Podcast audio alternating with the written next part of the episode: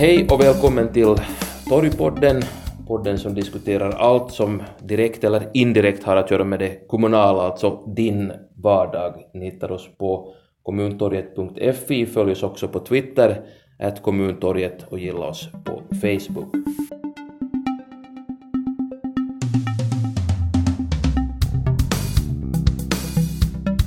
Och jag säger välkommen till professor Mikael Lindfelt, professor i teologi, också dekanus för fakulteten för humaniora, psykologi och teologi här vid Åbo Akademi. Hej på dig Mikael! Tack och hej! Skön morgon! Skön morgon, ja. Eh, vi ska diskutera lite det här med idrott och det offentliga, för det känns som att det finns en, en ganska pågående dialog mellan hur mycket till exempel kommunala beslutsfattare ska fatta beslut om att investera och stödja till exempel idrottslag i kommunen. Och du har skrivit en hel del om det här som har att göra med eh, idrottens eh, värde. Och det känns ju passande nu när vi är mitt inne i en hockeyyra efter VM-framgången att diskutera det här. Och jag kan påpeka att i senaste numret av Kommuntorget Magasin så diskuterar vi också den här frågan utgående från um, Karleby och eh, Kronoby och då handlar det om eh, fotbollslagen KPV och IK Myran. Vi ska återkomma till det. Men om vi börjar så här, Mikael, utgående från det som du har skrivit om. Du har pratat om att eh, idrotten har en samhällelig, ekonomisk och politisk betydelse, eller att man kan förstå dem i dessa sammanhang. Och du har pratat om att idrotten har ett eh, egenvärde men att det också finns ett utanifrån perspektiv. Kan du öppna upp de här två sakerna? Står de i kontrast till varandra och vad menar du med dem? Mm. Tack, jag, jag, ska försöka det. Ja. Det är inte, inte alltid riktigt lätt. Men eh, om jag om jag startar med, låt oss ta den lilla mm. kommunen Kronoby som ja. jag börjar med och gick om myran där. Så om, om jag skulle vara kommunal, kommundirektör i Kronoby och fundera på liksom är det, är det viktigt för mig att kommunen syns och känner, människor känner till den, att den finns på kartan så att säga bland vanliga finländare. Så en av de absolut viktigaste kanalerna är idrott mm. i Finland. Har du ett lag, IK Myran, för en liten kommun som spelar på högsta, i högsta så att säga, möjliga ligan, högsta tänkbara nivån i damerna idag, så är den kommunen på kartan. Den är på kartan. Och, och, vad ska kommunen göra med den här liksom, grejen då? Någonting som är så banalt som att du har elva unga kvinnor som spelar för ditt lag mot elva unga kvinnor på ett annat, annat motståndarlag och bollen ska studsa omkring. Och det här spelet som har sina egna regler och given, laggivenheter och, och finurligheter och, och, allt det här, att det här ska betyda någonting för din kommun. Mm. Det låter ju liksom som en riktigt, riktigt märklig grej. Hur kan den där lekfullheten spela roll för vår kommun och så här.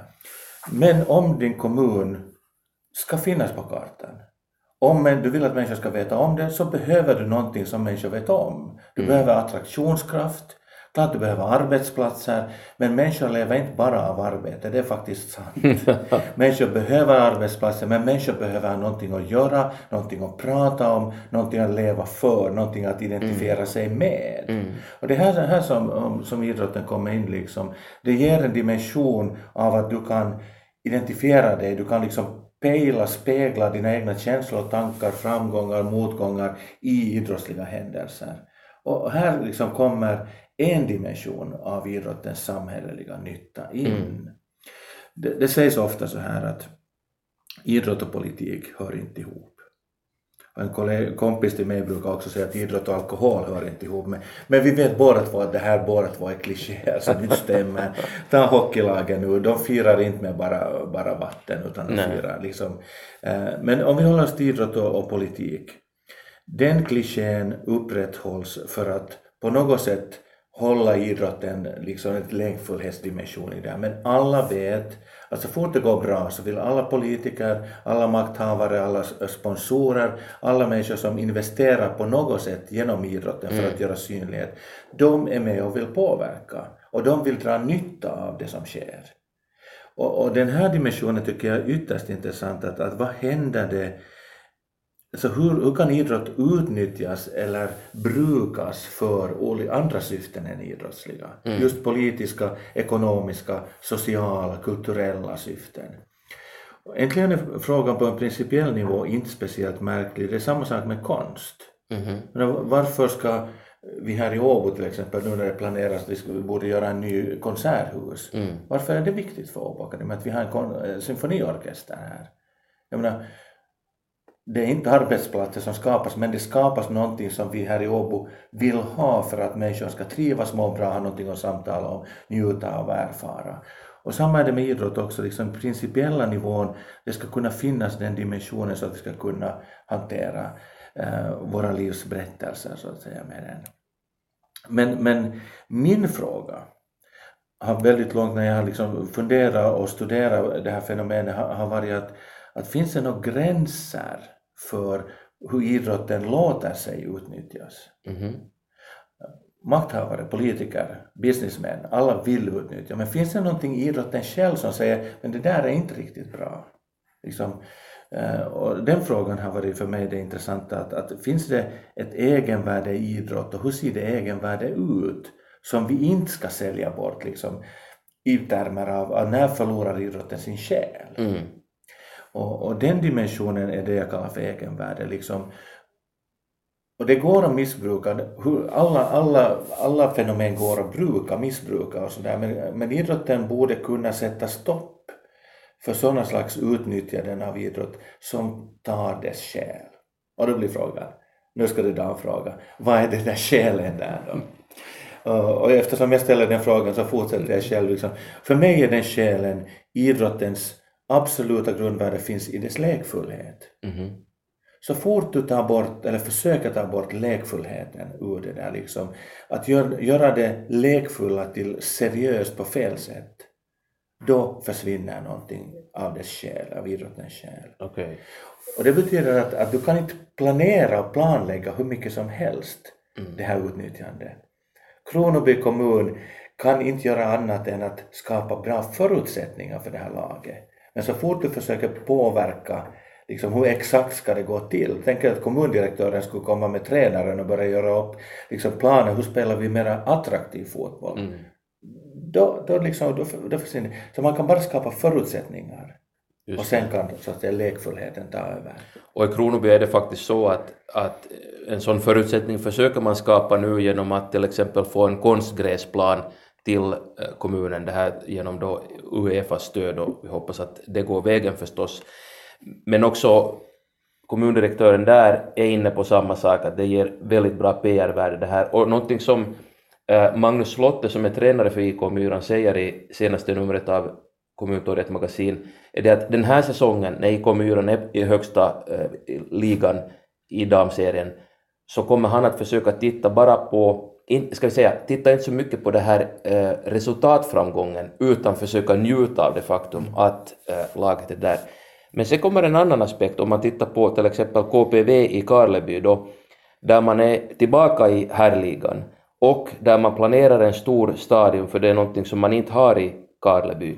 Men samtidigt är det ganska klart att om KPV inte klarar sig, hålla sig kvar i ligan så kommer de här planerna att gå om intet. Det vill säga att man, det finns ett visst krav på en motprestation.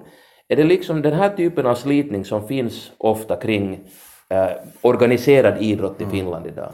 Eh, den här slitningen finns på all elitnivå. Just det.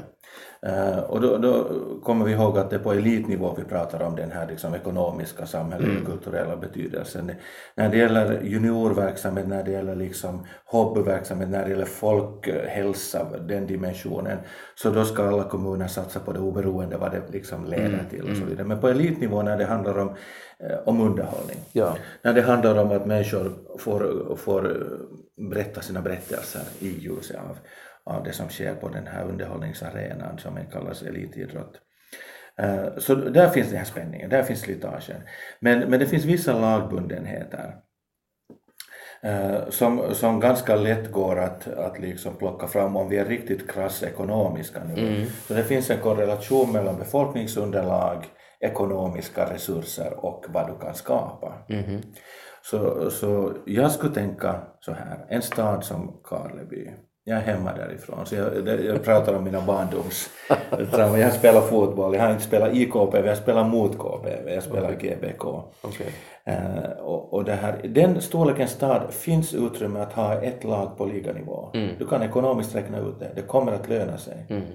Och det som har hänt i elitidrottens så att säga värld när professionaliseringen har blivit allt tydligare också på den här nivån i Finland är att den tidigare tanken om att, att det är liksom regionens egna grabbar eller tjejer som stiger upp och representerar regionen, den finns inte längre. Och det är liksom, på den nivån kan vi glömma alla tankar om att ha ett elitlag. Liksom, mm. Elitlag uppstår inte längre på okända orter. Elitlag finns där det finns ekonomiska resurser. Mm.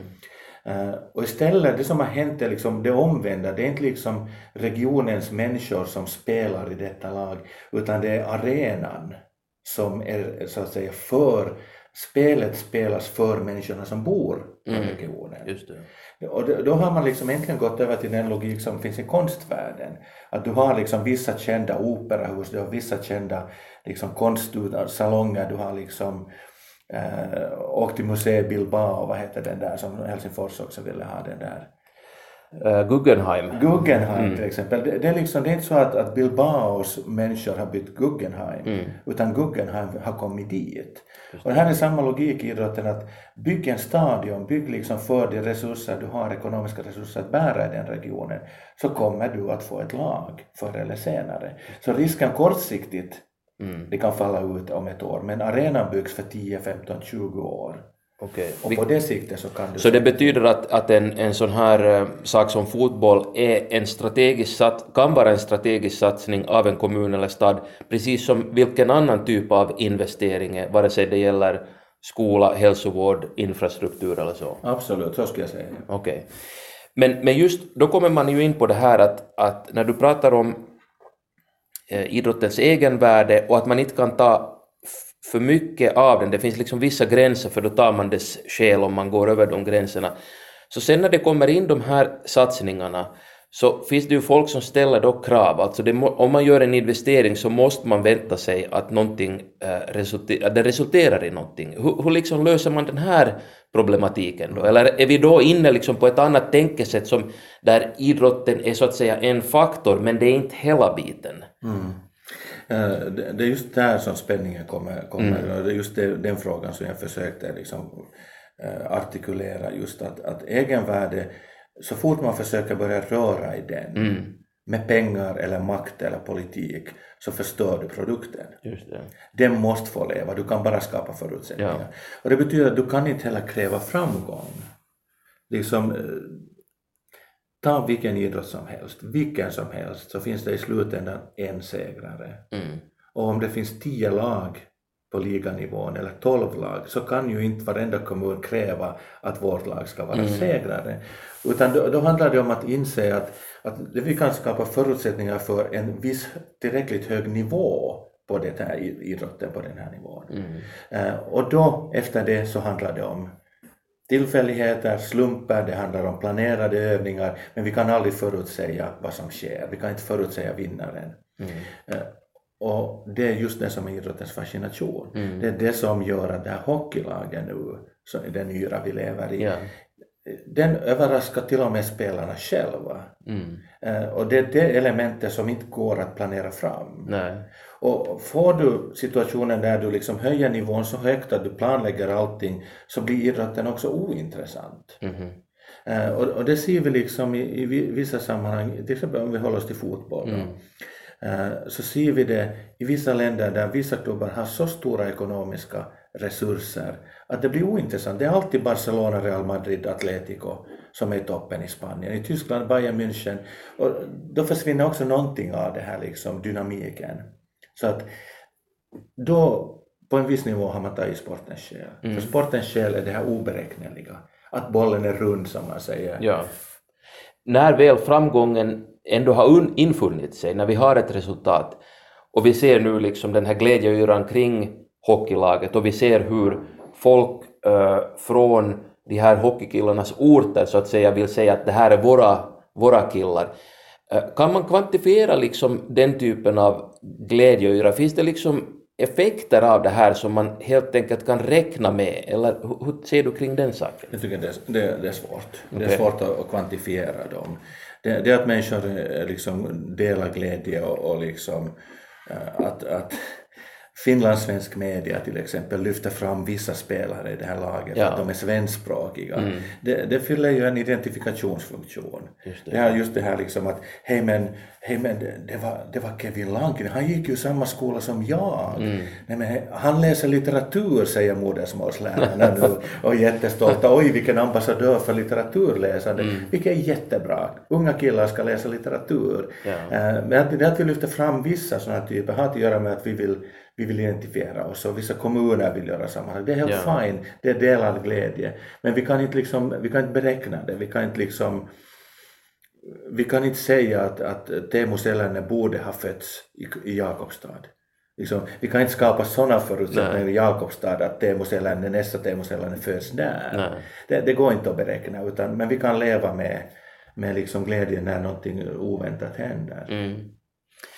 Avslutningsvis, Mikael Lindfeldt, just när vi pratar om framgång så är det ju förstås så att, som du var lite inne på redan, det finns bara en vinnare och det finns ju den här, inte baksidan, men det finns ju den realiteten att i många kommuner och städer så finns det lag som klarar sig kanske bra på division 4, 3 nivå, finns aldrig liksom i närheten av någon elitnivå, men säkert är deras betydelse för kommunen eller staden lika viktig ändå, eller har jag, har jag fel där, eller ska man mäta det i framgång, eller hur ska man göra? Man ska mäta det både och.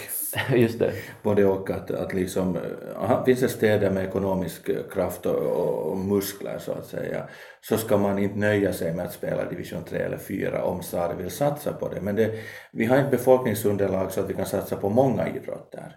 Utan om jag ska vara kommundirektör skulle jag måste börja titta på var är det som som vår kommun kan bli och, och där har vi Boboll ett bra exempel. Mm -hmm. Vi har massa med små kommuner, Kite eller Hamina eller Kankampe, liksom små orter som, som jag knappt vet var de ligger på kartan men jag vet att det finns sådana kommuner på grund av Boboll. Mm.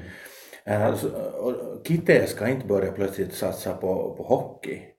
Men det, liksom, det går inte nej. helt enkelt. Så då hade liksom den kommunen redan valt en, en viss liksom, profil. Och, så att eh, på en viss nivå så måste man söka efter det här på kommunnivå. Men sen liksom det, det vardagliga livet levs ju just i den här vardagen. Det här är identifikation, det här är underhållningsnivån, det här är där man berättelserna, liksom drömmarna skapas. Yeah. Men vardagen kan handla om att att min grabb eller min dotter spelar i, i, i det laget som är division 3 och det är otroligt spännande. Mm. Och jag har själv liksom harvat på i volleyboll till exempel i division 4, division 5 och, och för mig då när det var matchdag, det var, otroligt, det var precis lika viktigt som mina drömmar om att någon blir fotbollsproffs. Mm. Att för, för de som gör det på den här vardagsnivån så är det extremt viktigt och då, där är idrottens själ på samma sätt. Själen är densamma mm. för de som utövar det. När det kommer upp till underhållningsnivå, liksom underhållningsbranschen, så, så är min poäng just att den själen får inte förstöras. Mm. Men den, den liksom måste hanteras på ett lite annat sätt. Man kan skapa förutsättningar för det, men själen kan inte tas bort. Och det här är samma division 3 som på elitnivå. Professor Mikael Lindfeldt, tack för att du medverkade i Torgpodden. Tack.